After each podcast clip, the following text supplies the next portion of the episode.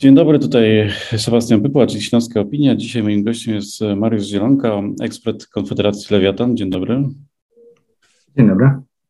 E, no jak to jest z tą inflacją, bo w, w lutym e, spadła, ale mamy się chyba nie cieszyć. No po pierwsze nie mamy się z czego cieszyć, nawet to, że spadła, to ona ciągle wynosi 8,5% e, w skali roku trochę się chyba zaczęliśmy przyzwyczajać do tego, że ta inflacja już e, znajduje się na takich e, podwyższonych poziomach, a w tej chwili ten wynik za luty jest mocno historyczny, ponieważ marzec może przynieść no, poważne odbicie powyżej 10%. Czy to będzie 10%, czy to będzie 13%, w tej chwili to absolutnie ciężko mm, określić ponieważ jest zbyt dużo zmiennych, e, które mogą wpływać na, na ten poziom inflacji, których, których w tej chwili po prostu e, nie znamy. Ale raczej powinniśmy się przygotować na to, że będzie powyżej 10%. Czy ta sytuacja byłaby, jak bardzo byłaby gorsza, gdyby rząd nie uruchomił tych e, swoich tarcz antyinflacyjnych, czy one jakoś nie miały większego wpływu? To było jakieś takie tylko chwilowe odbicie? Mm, uruchomienie tarczy antyinflacyjnej pierwszej i drugiej mm, miało określone e, cele, przynajmniej jeśli mówimy o pierwszej tarczy, według mnie miało, nie, miało spowodować spadek ceny paliwa e, poniżej 6 zł e, za litr i to się udało. Mm, druga tarcza miała wprost na celu niedopuszczenie do tego, żeby inflacja w tych normalnych warunkach, mówię o, o stanie sprzed rozpoczęcia, rozpoczęcia agresji, w Ukrainie, żeby nie osiągnęła 10%. No i to się udało. Ten efekt tej tarczy antyinflacyjnej, tej drugiej, szczególnie jeśli mówimy o mm, spadku VAT-u na żywność e, i na paliwa, to widać w danych. Dzięki temu w zasadzie ta inflacja e, była niższa niż mogłaby być w lutym, aczkolwiek no mówię, przyszłość w tej chwili jest już taka, że, że ten wynik 8,5 to mm, możemy odłożyć e, na półkę, bo Polacy już w tej chwili odczuwają chociażby na stacjach i w sklepach, jak, e, jak bardzo ceny e, wzrosły. Co ciekawe, tak jak zresztą przewidywaliśmy jeszcze na początku, zanim się dotarcza antyinflacyjna, druga uruchomiona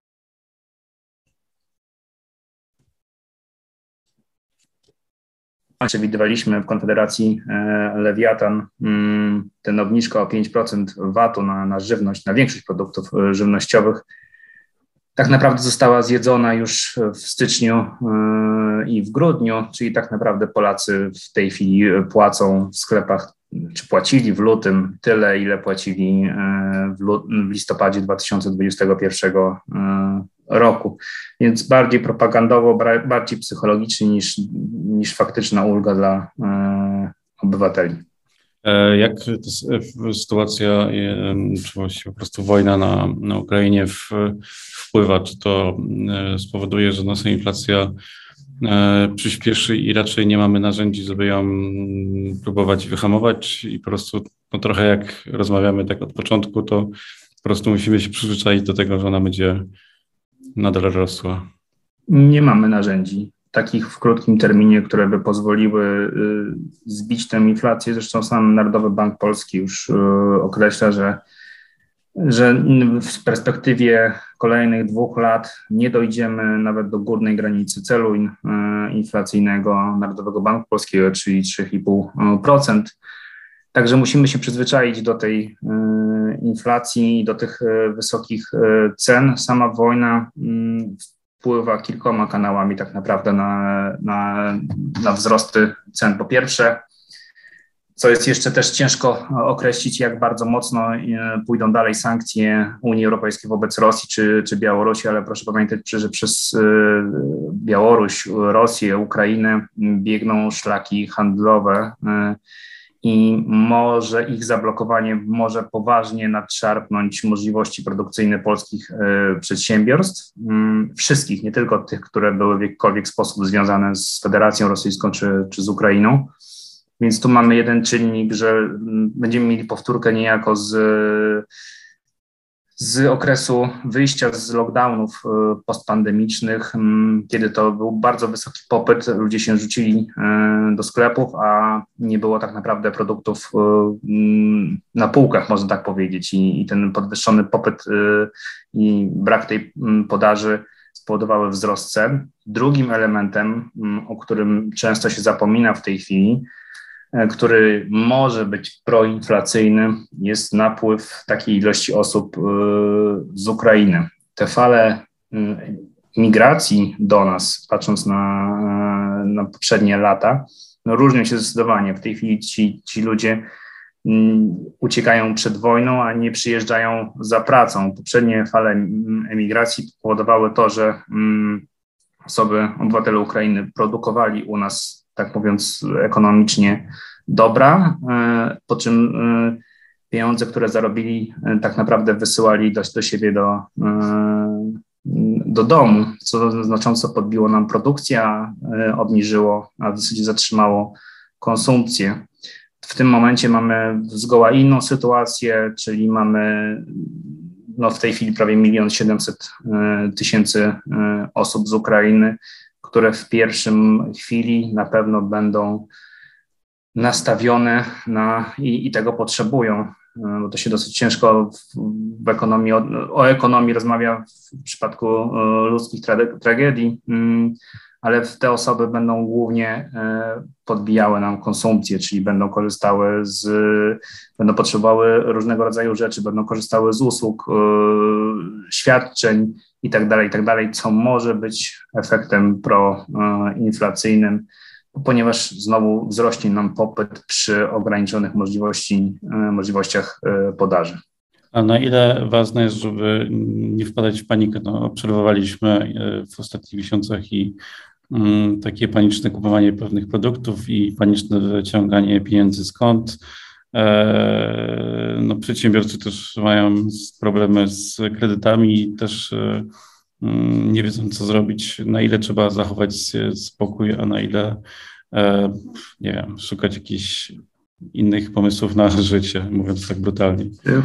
Można powiedzieć, że tylko spokój nas uratuje i to, co mm, było mm, widoczne u nas, to chociażby znowu na, tym, na tych stacjach benzynowych, czyli w momencie wybuchu wojny w Ukrainie, mm, ludzie rzucili się na stację, automatycznie zwiększyli, jakby teoria ekonomii e, w szybkiej pigułce, ludzie zwiększyli popyt natychmiastowo na paliwo, E, dystrybutorzy zaczęli się obawiać, że tego paliwa za chwilę zabraknie na stacjach, więc podwyższyli ceny. E, obawa też była o to, że za chwilę będziemy kupować paliwo, czyli dystrybucja w Polsce będzie kupowała paliwo po podwyższonych cenach, no i siłą rzeczy antycypując ten fakt już e, podwyższali ceny na, na stacjach, więc ta panika niczego tak naprawdę, nikomu w niczym nie pomaga, mm, a tak naprawdę powoduje pewne perturbacje na, na rynku i zawirowania, jeśli chodzi o chwilowe skoki cen, e,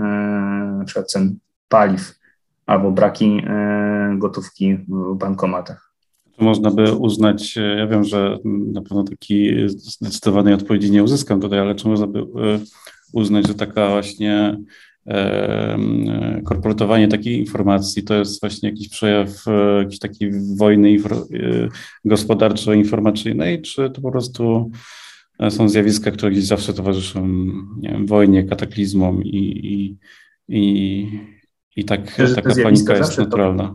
Mm, zawsze towarzyszyły, aczkolwiek w tym momencie i przy takim dostępie i szybkości dostępu do, do informacji, jakie, jaką mają obywatele, no, wręcz to zostało już e, udowodnione przez niejeden ośrodek e, monitorujący e, media w Polsce, że w momencie wybuchu wojny w Ukrainie tak naprawdę rozeszła się masa fake newsów, chociażby mm, właśnie dotyczących braku paliwa w ogóle w dystrybucji i tego, że należy natychmiast, natychmiast udać się na stację i kupować benzynę albo olej napędowy. Mm, więc jest to element dezinformacji, jest to element y, wojny hybrydowej, która mm, jest prowadzona nawet na tak y, szczegółowym poziomie, jak po prostu przesyłanie dalej informacji kompletnie niesprawdzonych, które ktoś umyślnie wypuszcza do sieci.